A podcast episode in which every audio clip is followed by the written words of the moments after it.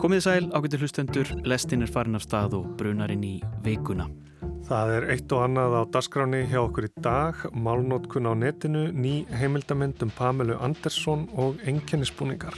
Það fer eftir einstaklingi þess að hvað vil ég sína fram á Facebook, þannig að hvernig er sjálfsmynd minn og með hverju vil ég tala. Mér finnst að Íslandingar nota Facebook mjög mikið mm -hmm. og skrifa heila pistlar á Facebook. Það fannst mér mjög, mjög áhugavert að sjá.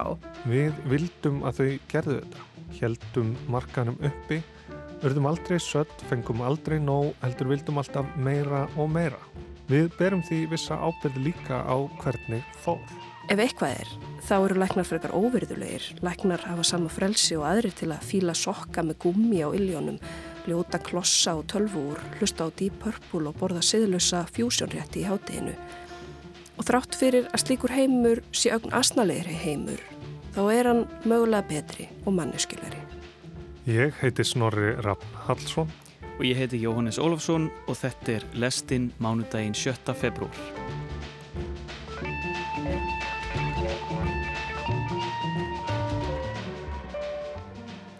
Við byrjum á Pamilu Andersson sem hefur átt endur komu í sviðsljósið upp á síkastið en ekki endilega á hennar eigin forsendum.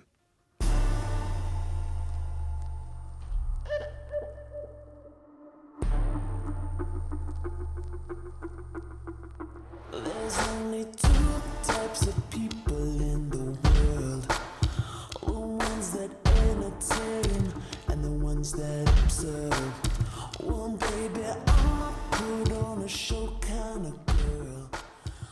Skemtana yðnaðurinn og pressan hefur vestra virðast aðeins vera farin að líta í eigin barm. Í kjálfar MeToo þar sem ótal konur stegu fram og sögðu frá landlægu, áreiti og kynferðisofbeldi í skemtana yðnaðinum hefur aðteklinn nú beinst að aðteklinni sjálfri, áhrifum hennar og meðsög okkar sem áhorvenda. Áhuga almennings og fjölmiðla á andlegu neyðurbroti Britney Spears árið 2007 er ágætlega líst í nýleiri heimildamind New York Times, Framing Britney Spears. Umræðan hafði um árabil verið engar óvægin, slúðurblokkarinn Peres Hilton malaði gull og stærri og virtari miðlar hikuðu ekki við að kalla Britney feita, kalla Britney drustlu, byrta myndir teknar upp undir pilsið á henni í óleifi og gera óspart grínað henni fyrir hægðun hennar sem var sífælt undarlegri. En konan var jú veik.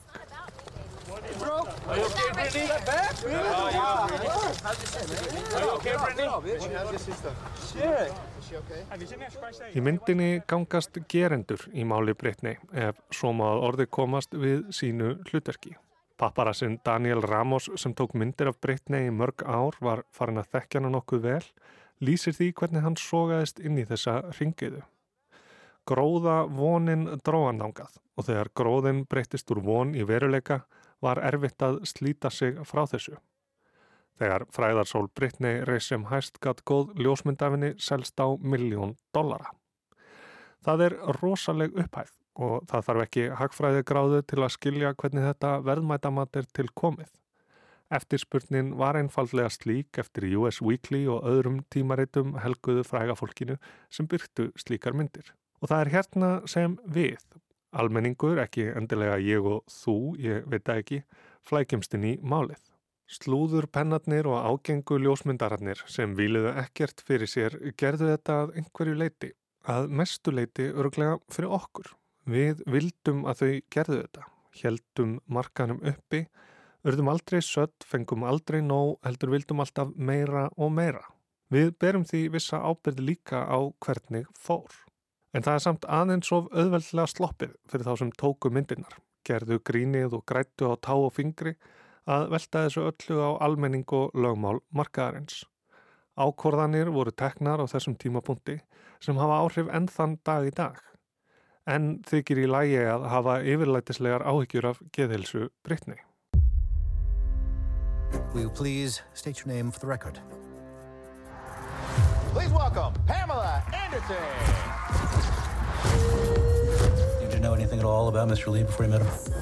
I knew he was the drummer for Motley Crue. Did you find him attractive? I liked his smile. I still do. Þetta revjaðist upp fyrir mér þegar Hulu þættirnir Pam og Tommy komu út í fyrra en þeir dramatíseriðu samband strandvarðastjórnunar Pamilu Andersson og Mötli Krú trómarans Tommy Lee. Þáttaröðin hverfist um það þegar enga myndböndum þeirra hjóna var stólið af ósáttum verktaka. Kinnferðislegar aðtapnir sem þau tóku upp á myndband voru svo kliftar saman og seldar á netinu. Salfur Bergmann fjallaði um þættina hér í lestinni í fyrra og við skulum grýpa niður í pistli hennar. Eins og flestir aðrir vissi ég vel hver Pamela Andersson var eða ég taldi mig að minnst og kosti vita það. Einnig vissi ég af myndbandinu en því verður því miður ekki breytt að það er eitt af fyrsta sem kemur upp í huga margra þegar nafn Pamelu er nefnt. Hins vegar vissi ég ekki að myndbandinu hafi verið stólið í skjóli nætur úr læstum peningaskáp af heimili hjónana. Ég vissi heldur ekki að myndbandið var aðeins í takmarkaðri dreifingu þar til Tommy Lee dætt í huga lögsækja tímariti Penthouse fyrir að hafa það í vörslu sinni. En það var einmitt til þess að fjalla varu myndbandi í fyrsta sinn í fjölmiðlum og það var mun frægara heldur en áður. Það sem ég er að reyna að koma orðum að er að ef þættirnir voru til þess gerðir að tala máli Pamilu, jafnvel þótt Pamela hafi ekki vilja að þetta kemist í hámæli á nýj, þá gerðu þeir nákvæmlega það. Allavega fyrir þennan áhörðanda og, eins og áður kom fram, nýbakaðan aðdáðanda leikonurinnar. Mér finnst í loksins skiljana. Skilja hversu mikið ofbildið þetta var, skilja hvað hann þurft að gangi gegnum og gengur enn í gegnum. Já, þættirnir sem fjöldluðum erfiðasta tímabilið í lífi Pamelu Andersson. Næstum 30 árum eftir að atbyrðinir áttur sér stað voru sem sagt gerðir í óþökk hennar. Hún vildi ekkert með á hafa vildi ekki að þeir yrðu gerðir en framleiðendunir komist hjá því að abla leifis með því að kaupa kvikmyndaréttin að grein sem byrtist í Rolling Stone árið 2014 og fjallaði um þennan lítþekta ánga málsins mannin sem stál myndböndunum. Þetta er aðdeglisvert í ljósið þess að upplifin margra af því að horfa á Pam og Tommy var á þann veg sem Salfur listi og ég get tekið undir að þarna hafi margir í fyrsta sinn kannski séð Pamelu Andersson sem mannesku af holdi og blóði með tilfinningar, vilja, aðtapnavald og ekki síst prinsip. Allatíð neyta hún að selja réttinað myndbandinu því með því væri hún búin að samþykja dreifingu þess, nokkuð sem hún hefur aldrei getað fallist á. Lýsir þessu enn þann dag í dag sem umkunar verðu aðtæfi það eru auðmingjar sem horfa á þetta. We never made a dime off that. And I hate when people say that we settled on something. We never settled on anything. We just told everyone to get lost. If anyone watches it, if anyone buys it, if anyone sells it, it's just pathetic. Það er eitthvað örlítið skakt við það að Pamela hljóti fyrst almennilega hljómgrunn þegar einhver annar tekur að sér að segja sögu hennar og það í formi aftreyingar. Heimildamindin Pamela A Love Story sem kom út á Netflix á dögunum er nokkus konar svar við þessari þáttaröð og hún varpar ljósi á það hvernig ofbeldi fjölmiðla þegar það einu sinni hefur verið samþygt getur endur tekið sig í sífellu. Í myndinni kemur Pamela til dyrana eins og hún er klætt og máluð í hálf gagsægum slopp en líka minn er enni fyrirrúmi. Hún grínast með það hvort hún ætti kannski bara að vera nakin að meðan hún segir eigin sögu með eigin orðum. Líka með hennar sé ekki sveipaður nittni dölúð lengur.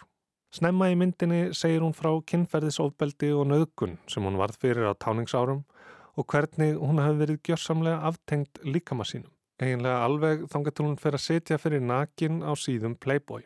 Í því hafi fallist gífurleg valdefling. Hún gæt verið stolt af sjálfur sér, fann að hún var ekki bara aðlaðandi, heldur líka góð í því sem hún var að gera.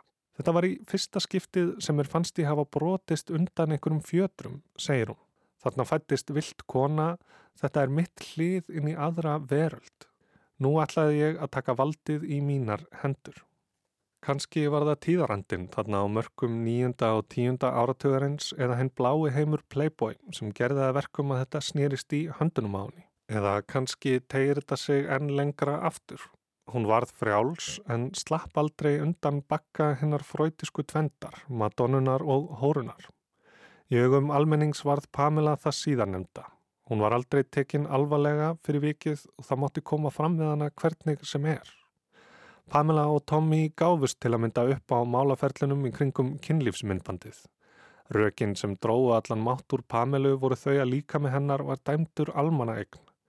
Engin vafi leka á því að myndbandið var stólið en það var ekki enga eign vegna þess að líka með hennar tilheyrði heiminum.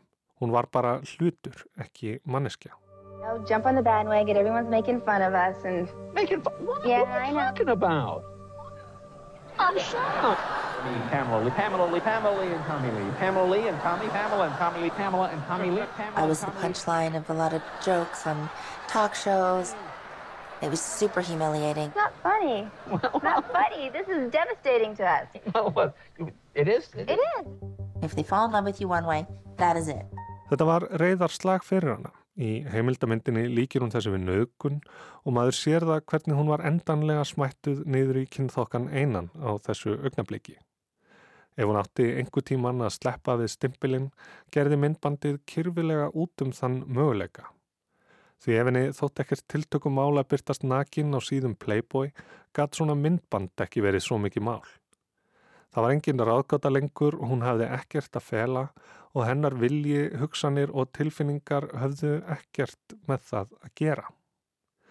Og það sama gerist núna þegar Pam og Tommy kemur út gegn hennar vilja, nema í öðrum búningi. Undir yfirskinni þess að nú er þið saga hennar sögð og ljósi varpað á hversu rámt þetta var allt saman á sínum tíma. En enn er það aðrir sem græða á tá og fingri á hennar óförum, taka sér vald sem réttilega tilheyrir henni. Heimildamyndin nær yfir mun lengra tímabil en Pam og Tommy, allt til dagsins í dag. Undir titillin Ástarsaga vísar til eilíflegrar leitar Pamelu að ástinni sem hún fann í rauninni einungis hjá Tommy sem stóð samt einhvern veginn aldrei almennilega með henni í gegnum þetta. Satt fyrir henni á tökustað strandvarðana og beitti hana að lokum ofbeldi. Henni er mikið niðri fyrir að hún hef ekki geta látið þetta ganga með föður barna sinna en þau skildu árið 1998 og síðan þá hefur Pamela verið gift fimm sinnum aðeins fjórum mönnum reyndar. Og hún verðist hafa sætt sig við það upp að vissu marki að líka minn sé það eina sem hún hefur fram að færa. Grínaðist í fyrstu með það að brjóstinninnar ættu glæstan feril, hún fylgdi bara með. En síðar áttaði hún sig á því að hún gætt beitt líkama sínum og rödd reyndar líka í þáu dýravendar, mannréttinda og fjölmiðlafrelsis. I want more. I need more. I want to be proud of my accomplishments. I was sick of talking about my boyfriends and my boobs all the time. But I thought if I can attach it to animal activism or activism for the environment, then it meant something. Þegar við hittum hana í Pamela A Love Story er hún nýlega fráskilin. Býr nálagt foreldrum sínum í Kanada og veltir fyrir sér næstu skrefum. Þegar henni er bóðið að taka þessi hlutverk Roxy í Chicago á Broadway finnst henni eins og hún geti staðið ein og óstudd, sínt hvað í henni býr og slær til. Lærir að syngja og dansa og leysir þetta bara vel. Hún hafði enda alltaf vonað að hún myndi gera eitthvað sem fólki þætti áhugaverðara en líka með hennar. You want to know something? I always wanted my name in the papers. Roxy Rock Chicago!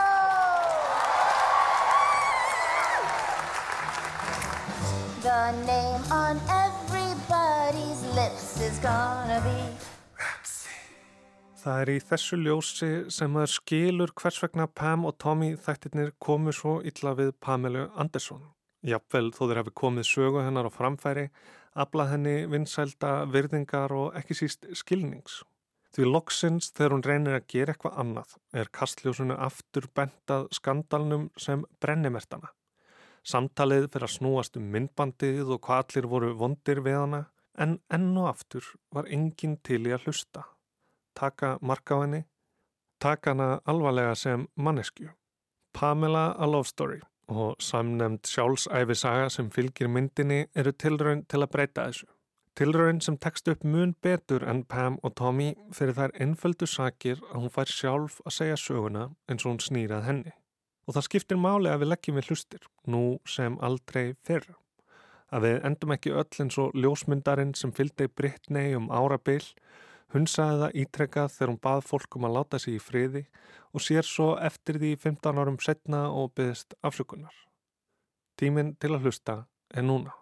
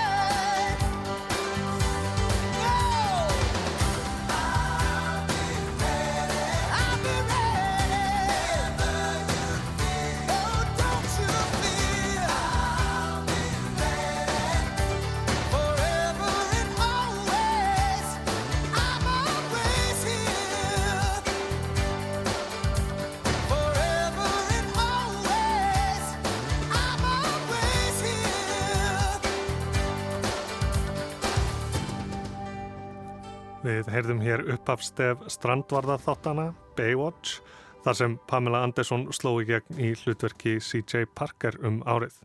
Lægið heitir raunar I'll Be Ready og er með hljómsdeinni Sunblock og það kveikir eflaust minningar hjá mörgum um ægifagurt fólk á hlaupum á ströndinni í appilsínugulum sundfötum, einnkennisbúningi strandvarðana. Það er einmitt efni hugleðingar Brynju Hjálmsdóttur, reyndar ekki sundfötinn en hún ætlar í dag að segja frá því þegar hún sá hóp af læknum á förnum vegi og fór í kjölfarið að velta fyrir sér einkennisbúningum.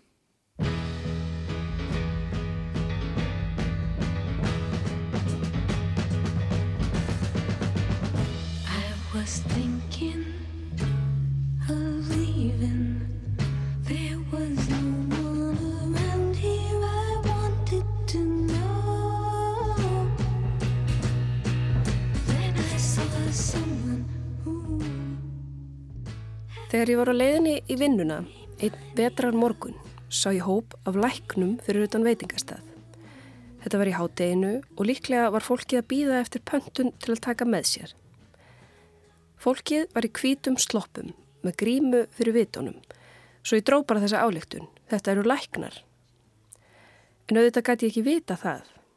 Þetta var það sem ég sá, að vissuleiti óvennileg sjón fólk í svona múndiringu á þessum stað og stund í þessum erendagjörðum og þess vegna fór ég að fálma eftir skilgreiningum. Einu sinni voru svona læknagrímur óegjandi merki um að sá sem hann að bæri inni sem helbriðstarfsmæður.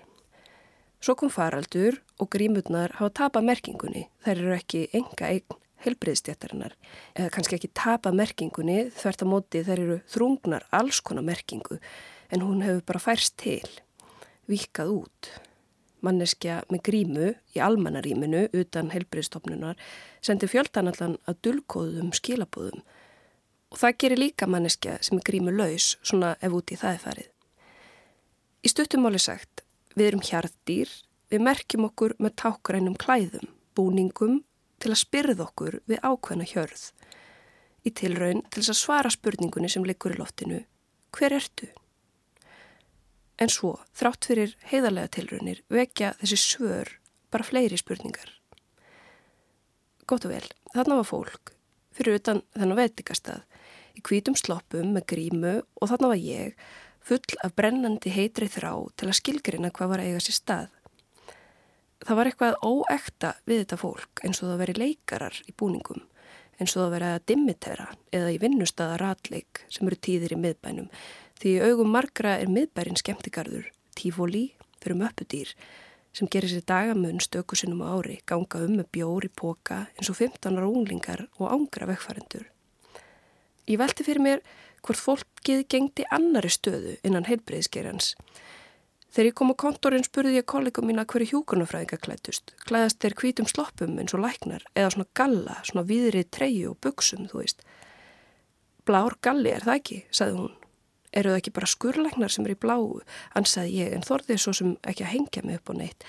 Aldrei ætti maður að þóra að hengja sig upp á neitt. Ég sló orðinu hjúkurnafræðingur inn í myndaleit á netinu. Þar komst ég að því að bæði læknar og hjúkurnafræðingar ganga í göllum, en hvítu slopparnir væri mögulega algengar í læknafatnaður. Þessu skilaði ég til kollegum mínar. Hún svaraði til að ef ég væri að skrifa sögu sem gerist í framtíðinni geti ákveð sjálf hverju hjókunarfræðinga klættust. Veitingastæðurinn sem læknarnir eða hjókunarfræðingarnir eða leikararnir byðu hnapp fyrir utan er eitt bjánalegasti veitingastæðu bæjarins. Þetta er vitaskult huglagt mat en ég ætla ekki að byggast afsökunar. Maturinn sem staðurinn selur er ekki endilega vondur að ég tel, ég hef ekki smakkaðan. En þetta er einn af þessum stöðum sem hefur engan smekk Að lesa matseðilinn er eins og að stíga inn á netjamarkað, alltaf rúi og stúi, ekkert skipulag. Í sömu hyllinu finnur þú gamla tölvu, stittu af mjaltastúlku og staupglas mert landsmóti KFM. Allt fyrirdags hlutir út af fyrir sig en þeir eiga enga samleið. Á þessum netjamörkuðum bragðheimsins bjóða veitingamenn upp á sigur, púða, hjúpuð, ísuflög með kakó, bernes, sósu, marenstertur með djúbstektum beikonstrimlum tempúra og ostapopsalat með mango og rækjum án þess að blikna, án þess að skammast sín í eina sekundu. Maturinn ásamsagt við alvarlegan skilgreininga vandastríða. Þetta er ekki virðulegu matur en getur samt alveg verið lækna matur fyrir því enda úreld að halda því fram að virðuleiki síðan til eitthvað sem skilgreina lækna. Það er liðin tíð, staðalýmynd sem að tilherir öðrum heimi heimi þar sem allir klættu sig í spariföttin fyrir flug.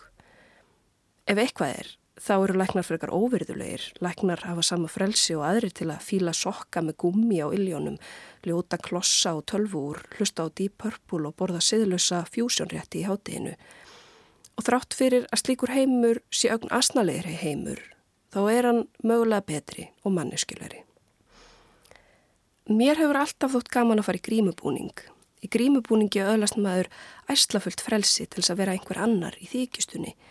Maður hættir samt ekki að vera maður sjálfur, það er grínið og það er leikurinn. Ég breytist ekki í Sigmund Davíð þótt ég klæði mig jakkaföld og eitt sparisko og einn íþróttasko og öskutegi. Ég verð ekki að engli þótt ég setja upp vangi, það er allt í plati, rassagati.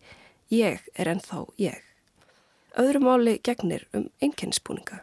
Það fylgir því æfinlega frelsiskerðing að klæðast enginnisbúningi vegna vinnu. Sama þótt búningurinn sé praktískur, jafnvel nöðsynlegur svo hægt sé að stunda vinnuna.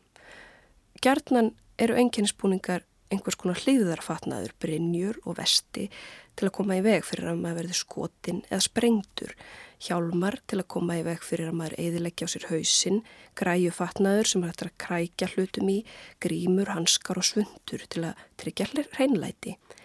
En stundum hafa búningar engan praktískan tilgang annan en að enkjana þann sem að klæðist honum. Senda skilabóð. Þetta er ekki kona, þetta er sjóppustelpa. Þetta er öskukarl, þetta er hershauðingi. Þetta er diskóbarþjóðn sem ætlar að sjá til þess að þú komist í gegjað stuð. Enginnisbúningur skiptir mannesku af holdi og blóði með fjölskrúðan personleika út fyrir skilgreiningu. Flettu í orðabók. Mörgum þykir ekkert tiltökum mál að fara í enginnisbúning starfsins vegna, fá ég að bel heilmikið kekk út úr því. Sjálf hef ég ekki goða reynslu af enginnisklæðinaði. Eftir á að higgja var það kannski ekki klæðinaðurinn sem er mislíkaði, líklega var það skilgreiningin. Þegar ég vann í kveikmyndahúsinu regnbóðanum sem úlingur þurfti starfsfólk að klæðast mertum svörtum stuttarmabólum. Á hægra brjóstinu stóð regnbóin og á vinstra brjóstinu stóð Coca-Cola. Ég hafði djúpan og sannan ímugust á þessum bólum og tímabili gerðu við kollega mínir uppreist og klættumst bara okkar borgarlega klæðnaði, klæðnaði sem er auðvitað að halda fram að sé líka búningur í þessu leikúsi tilvörunar. Fyrir uppreistnina voru við skömmuð, svo við hrakkluðumst aftur í bóluna, letum stjórn okkur því að þetta var ekkert annað en stjórntæki. Laungu eftir að ég hætti að vinna í bíó, fór ég í bíó og sá að þar klætist allir starfsmenn samstæðum köplótum skirtum eins og flokkur af tindum kúregum. Stjórnendu bíóna hafa sennilega ákveðið að það væri eitthvað sjoppulegt að klæða starfsfólki í logóstuttermabóli. Betra væri að klæða það í venjuleg född, en samt alls ekki sín eigin född. Á veitikastæðinum sem grímuklæta sloppafólkið, sem var kannski læknar og kannski ekki, beð fyrir utan, starfa einkennisklættir þjónar. Þeir klæðast litríkum, glitrandi jökkum. Það er til þess að miðla því hvaða sé góð stemning á staðnum. Á þessum stað er alltaf partí. Viðstöðulegs þjóðatíð í eigum, alltaf stuð, alltaf lögadagur, alltaf diskó. Á þessum stað færðu alltaf óre og shake með grilluðum banana og puru að því að hei, lífið er núna.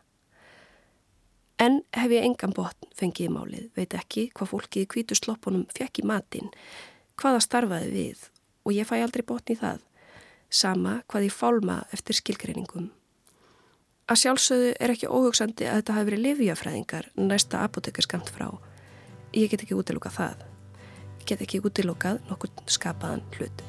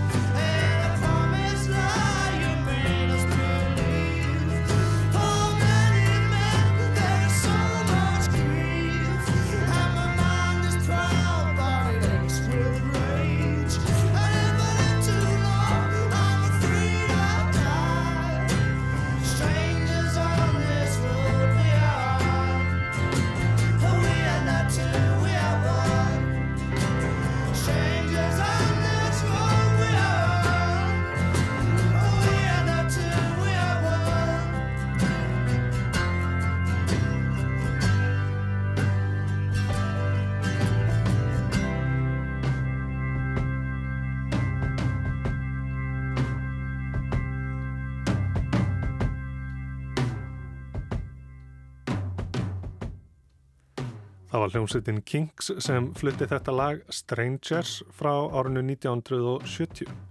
Þar á undan heyrðu við pistil dagsins frá Brynju Hjálmstóttur sem velti fyrir sér einkennisbúningum, eðli þeirra og tilgangi. Emitt, eru föttin sem við erum í, emitt núna bara búningur í leikhúsi tilverunar, spurði Brynja. Í grímu búningi öðlasmaður ærslafullt frelsi til þess að vera einhver annar í þykistunni Maður hættir samt ekki að vera maður sjálfur. Það er grínið, það er leikurinn. Ég breytist ekki í Sigmund Davíð þótt ég klæði mig í jakkafött og eitt spariskó og eitt íþróttaskó á öskudaginn. Öðru máli gegnir um enkenni spúninga. Við fáum að heyra meira af svona hugleðingum Brynju Hjálmsdóttur hérna setna í þessum mánuði. En næst ætlum við að fara á netið og velta fyrir okkur hvernig við tölum saman þar.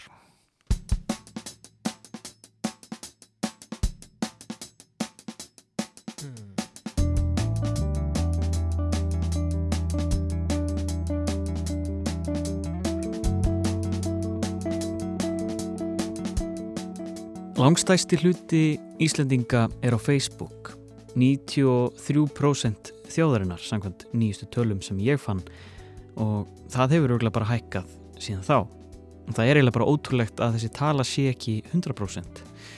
Alltaf að spila ekki inn í að sum pör oft í eldri kantinum er með sameigilega Facebook aðganga, Jón og Gunna á Facebook, eða er það kannski ekki lengur í tískuð. Allavega, langt flestir Íslendingar eru á þessum risavaksna samfélagsmiðli sem telur næri þrjá miljarda mánadalega notendur. Ef Facebook væri þjóð, væri hún ekki bara stærsta og fjölmennasta þjóðin, heldur fjölmennari en íbúar Kína og Indlands samanlagt. Og á þessum risamiðli er mikið talað saman, eins og gefur að skilja. Það eru stöðufærslur, fyrirspurnir, aðtöðasendir, svör við aðtöðasendum, enga spjall, enga grúpur, like, hjörtu og önnur tjákn sem við notum til að segja fólki hvað okkur finnst um eitthvað til að minna á okkur. Við erum jú einlega varla til án þess að gera eitthvað á netinu, deila myndum, tjá, skoðanir, posta, pæla og læka. Við skiljum eftir okkur spór svona brauðmilsnu slóð sem segir ímislegt um það hver við erum. Og einmitt hver erum við á netinu? Hvaða mannesku höfum við að geima tölum við einhvern veginn öðruvísi saman á netinu?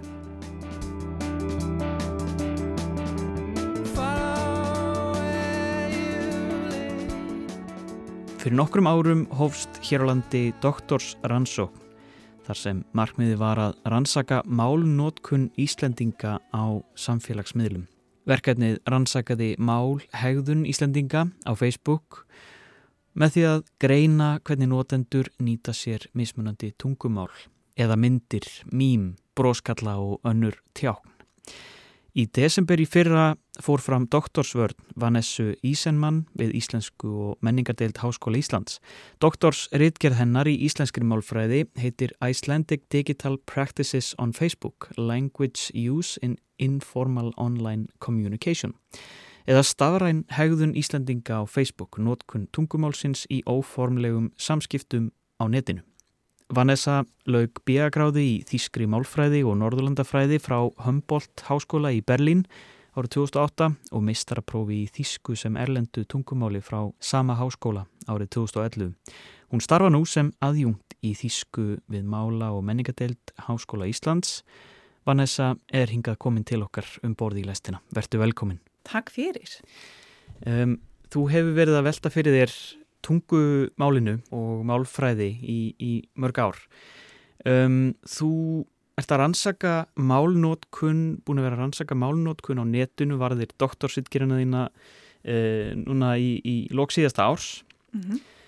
uh, segðu mér bara aðeins frá því hvað var til þess að þú ákvaðst að skoða Uh, íslensku, þetta öður tungumál uh, og hvernig Íslendingar tala saman á, á netinu, á Facebook.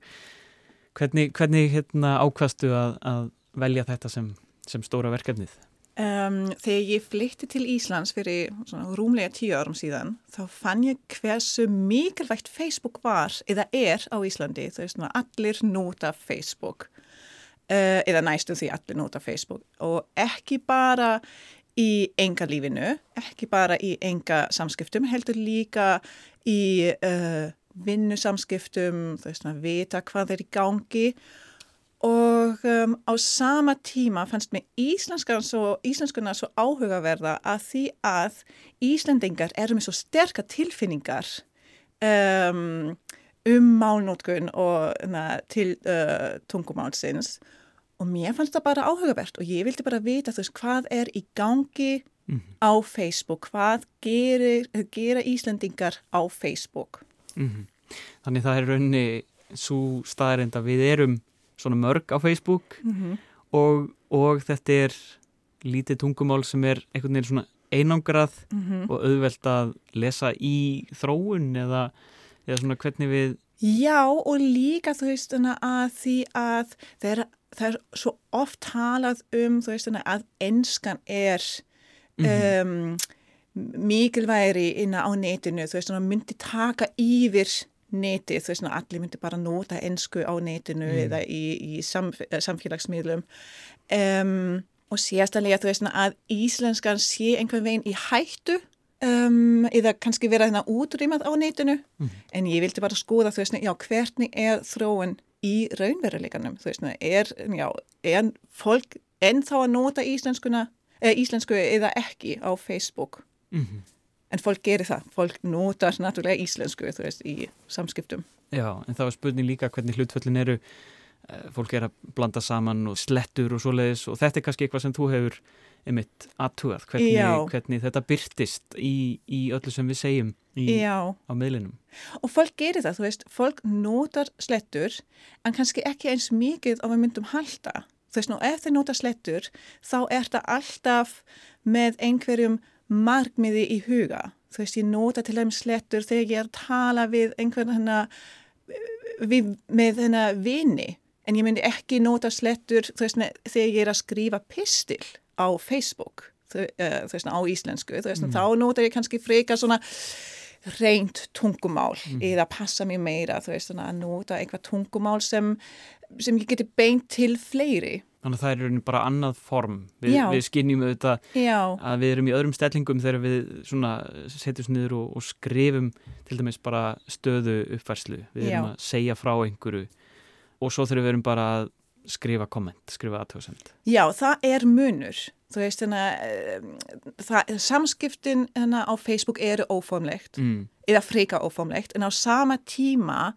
er ég náttúrulega með stór tengslanet á Facebook, það sem að þýður, þú veist, það eru margir sem geta lesið það sem ég er að skrifa og sérstaklega stöðu uppfæslur, það er í raunni stór markhópur eða stór lýsindahópur sem lýsir þetta, þannig að hana, fólk passi sig kannski meira enna uh, vaðandi málnótkun. En svo koma enna comments, enna, eða, já þú veist í, í kommentum, þá er þetta freka eins og samskipti milli tveggja manna. Mm. Þú veist þá er þetta freka eins og, enga samskipti og þá finn ég fleiri slettur og svona mjög óformlegt málnótkun mm. og svo framvegis. Og þetta er stór og viðamikil rannsókn, ég meina hvernig var henni háttað? Var þetta bara stort úr, úrtaka af fólki eða voru þið bara einhvern veginn svamlandi í Facebook bara? Um, nei, sko, ég var með hennar 28 þáttökundur sem gafa mig leifi að skoða uh, tímalínu þeirrar um, og svo fór ég að skoða tímalínur í þrjú ár um, en var allt í einu komið með allt og mikið, mikið gögn og þurfti þau svona að takmasta aðeins þannig að ég tók bara út eitt ár uh, sem sagt 2014 og svo fann ég mér uh, fjóra þeimur sem ég rannsakaði og uh, fann bara stöðu uppfæslur og, um, og kommentar sem, sem voru að tala um þessa þeimur og svo skoðaði ég þú veist hvað fólk gerði í þessum þeimum Hvaða þemi voru þetta? Hvernig, hvernig það var til dæmis Eurovision og söngvakefni. Þetta Já. voru all, uh, öll, alla þeimur voru uh, eitthvað sem fleiri voru að tala um, mm. nokkrum sínum í, uh, á tímalínum. Eins og til dæmis Eurovision. Eurovision er ótrúlega mikilvægt. Fátt sem Íslandingar tala um. og uh, ég fann til dæmis sérstaklega Íslandingar sem bjökki ekki á Íslandi á þessum tíma, þess að þeir voru að tala mikið um spæði söngvakefni uh, og líka enna Eurovision. Mm. Og það fann ég til dæmis að þegar fólk var að tala um söngvakefni þá var þetta bara á íslensku. Að því þetta var náttúrulega bara fyrir íslenskan lesendahóp. Mm. En þegar fólk var að tala um Eurovision þá var þetta stundum líka á ennsku. Þá var þetta stundum líka fyrir fólk sem talaði ekki íslensku. Að því að það var náttúrulega líka mikilvægt eða mikilvægri fyrir fólk utan Íslands. Mm. Þannig að þú veist svona viðfangsefni hefur áhrif á málnótkun og, og val á tungumáli. Málnótkun er alltaf háð samhengi mm. þú veist, og, og uh, lýsindahópnum. Þú veist, ef ég er að veist, beina skilabóðinu til, segjum, bara til uh, vinnahóps, þú veist, þá er þetta kannski ófamlegari heldur en þegar ég er að reyna, þú veist, að beina skilabóð til uh, víðara tengslanets. En eru við svo ekki ennþá óformlegri þegar við erum komin í enga skilabóð? Já, það sagt og það er mjög spennandi líka að sjá. Nú var ég ekki að hana, rannsaka enga skilabóð, ekki eins mikið, mm. um, en ég fór til dæmis í viðtöl með sömum þáttökundum um, og þeir saði akkurat það. Þú veist, það skiptir svo miklu máli að venja sig í stöðuppfæslum og passa sig að nota réttritun, nota rétta málfræði, um, kannski ekki sletta eins mikið en í enga skilabóðum veist, þá skiptir það engu máli veist, mm. þá getur það gert hvað sem er En hafði það einhver áhrif á rannsóknuna sjálfa að uh, þetta er svona lítið tungumál ég menna væri, væri öðruvísi eða væri, eða þú verður að gera þessa rannsók til dæmis á þýsku eða spænsku, ennsku um, Það sem er öðruvísi hér er að það hefur engin rannsakað málnótkun á Facebook hérna á Íslandi eða ekki eins mikið, ekki eins djúft mm -hmm. um, en í Þískalandi eða í, uh, í Spáni veist, þá finnum við svona rannsókn mm. veist, þá er það þá hefur hef verið hérna, rannsaka þetta í, ég veit ekki, 10-20 ár við erum nú rétt að byrja hér og þetta var líka veist, eitt af ástæðum að mér fannst svo mikilvægt og svo, svo spennandi að hérna, kíkja á íslensku veist, því þetta er lítið tungumál og þetta er kannski tungumál sem er stundum gleimt í uh, aðþjóðlegum málfræðum.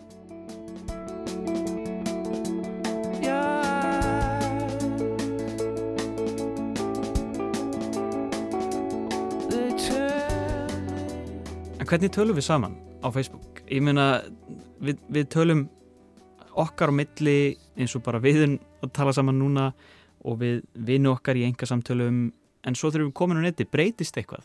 Ég meina, er, er þetta sama gerð af óformlegu tali eða þetta er náttúrulega rítmál en breytist eitthvað? Já, þetta er rítmál, þetta er samtina óformlegu rítmál og svo allt í einu er ég með fyrirbæri sem ég get notað, sem ég get ekki notað í tali, tali og sem ég nota ekki í rittmáli eins og til dæmis þegar ég er skrifa grein eða þegar ég er skrifa bref, til dæmis bróskall eða emoji. Mm. Þetta er eiginlega bara til í samfélagsmiðlum eða núna í svona netsamskiptum, við finnum það líka í WhatsApp og svo, og svo framvegis, mm. eða að bæta við myndir, að bæta við memes eða um, myndbönd, tónlist, alls konar þú veist, allt þetta get ég notað til samskipta í samfélagsmiðlum mm -hmm. og það er náttúrulega eitthvað sem er allt öðruvísi heldur en í, anna, uh, í, í öðru rittmáli eða í talmáli. Þessi blöndun, þú veist, það er miklu meira blöndun af ímsum fyrirbærum og ekki bara tungumálum heldur líka svona, táknum og svo mhm. framvís, mm. já. En bara málfræðin sjálf, hvernig, hvernig við setjum saman setningar, mm -hmm. greinamerki, punktar, komur, er þetta allt einhvern veginn svona, já, komið út í eitthvað rugl? Um, það fann ég ekki. Það var eiginlega ekki, allavega ekki í stöðuupphæslum. Um, punktar er kannski ekki notað eins mikið. Uh, við finnum stundum að um, sérstæðlega svona comments enda með bróskall eða tják. Stundum er uh, veist, ekki byrjað á enna stóran starf enna í, í setningu en uh, það er aðalega í, í kommentum mm. ekki svo mikið í stöðuuppfæslu mér, mér fannst þetta í, mína, í minni rannsókn að uh, nótundur voru að passa sér mjög mikið á réttrítun og, og, og málfræði í stöðuuppfæslum mm. Sko miðlarnir sjálfur, bara eins og, eins og Facebook virkar, hefur það einhver áhrif á það hvernig við setjum texta fram eða kannski á öðrum samfélagsmiðlum líka en, en svona, hefur miðlinn einhver áhrif á það hvernig við setjum textan saman? Viðmótið? Já, örglega í þann hátt veist að það fer eftir samfélagsmiðli veist hvað ég get gert veist að er hægt að bæta við mynd, er hægt að bæta við bróskall, er, mm. eða tjákn, er það til í samfélagsmiðlum. Svo þetta til dæmis á Twitter þá má bara skrifa ákveðan fjölda af orðum, uh, það náttúrulega ekki á Facebook, veist að það hefur áhrif, já, á einhvern hátt mm. en kannski ekki eins mikið á málnótkun sjálf þú veist, hvaða orð ég nota eða hvaða tungumál ég nota að Því svo eru við kannski svolítið formulegri þegar við mm -hmm. erum að skrifa tölupústa Akkurat, já, já. Þá eru við mm. svona svolítið hátilegri Já, svona fer kannski eftir í hvernig við erum að tala við Já, já. og það var eitt af aðal nýðustöðum, þú veist, það fer alltaf eftir því hvert er ég að tala við? Mm -hmm. þú veist, hver, til hvers er ég að beina skilabúði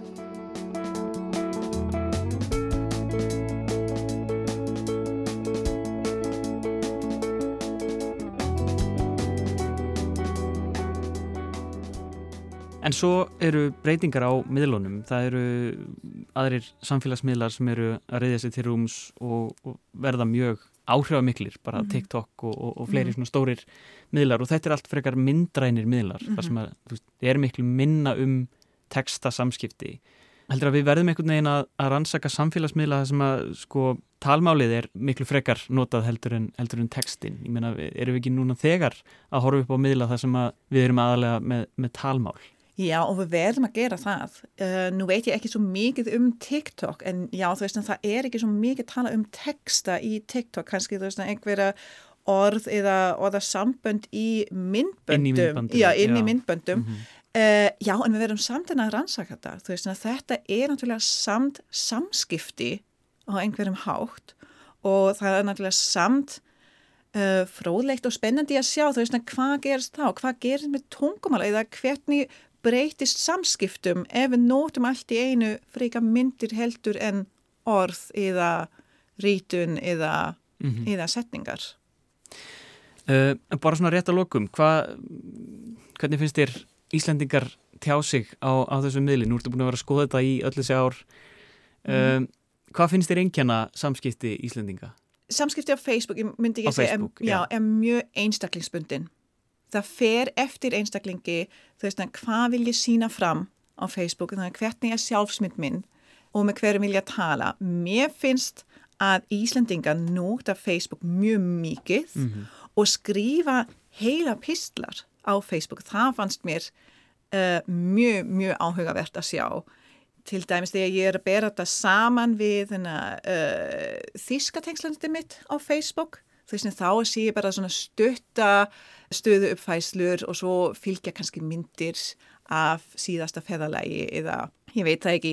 En á Íslandi þá er Facebook virkilega notað að láta fólk vita hvað er að í lífinu minni mm. uh, og þeir skrifa mjög fína tekstar, langar fína tekstar, mm. já. Einmitt, í löngumáli. Við já. Elskum að tjá okkur. Mm -hmm. akkurat, við erum tekstaþjóð. Já, já, já, akkurat. Vanessa Ísjarmann við Íslensku menningi til Háskóla Íslands. Takk hjá það fyrir komuna. Takk fyrir.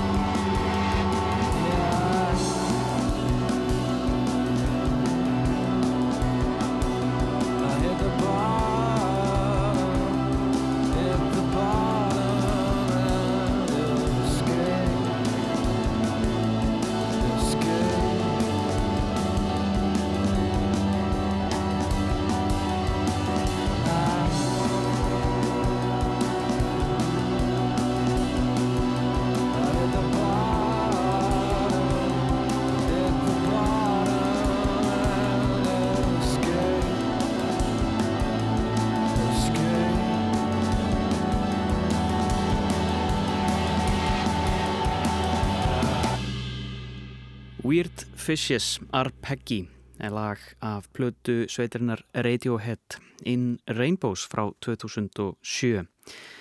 Vanessa Ísjanmann, aðjungt við Mála og menningadeilt Háskóla Íslands, kom til okkar þar áður og rætti við okkur um efni doktors Ritgerðar sinnar. Málnótkun og óformleg samskipti Íslandinga á Facebook. Og þar áður flutti Brynja Hjálmsdóttir pistilum einkennisbúninga og merkingu þeirra. Og við fórum líka aðeins yfir vendingar í lífið Pamela Andersson og nýja heimildamind sem byrtist um hana á Netflix aðeins um ári eftir að leiknir þættir um samband hennar og Tommy Lee, trómar hans í Mötli Krú, kom út. En þar með er þessari lestaferð lokið í dag við Snorri og Jóhannes þökkum fyrir okkur. Tæknimaður var Lítiða Gretastóttir, við verðum hér aftur á sama tíma á morgun, veriði sæl.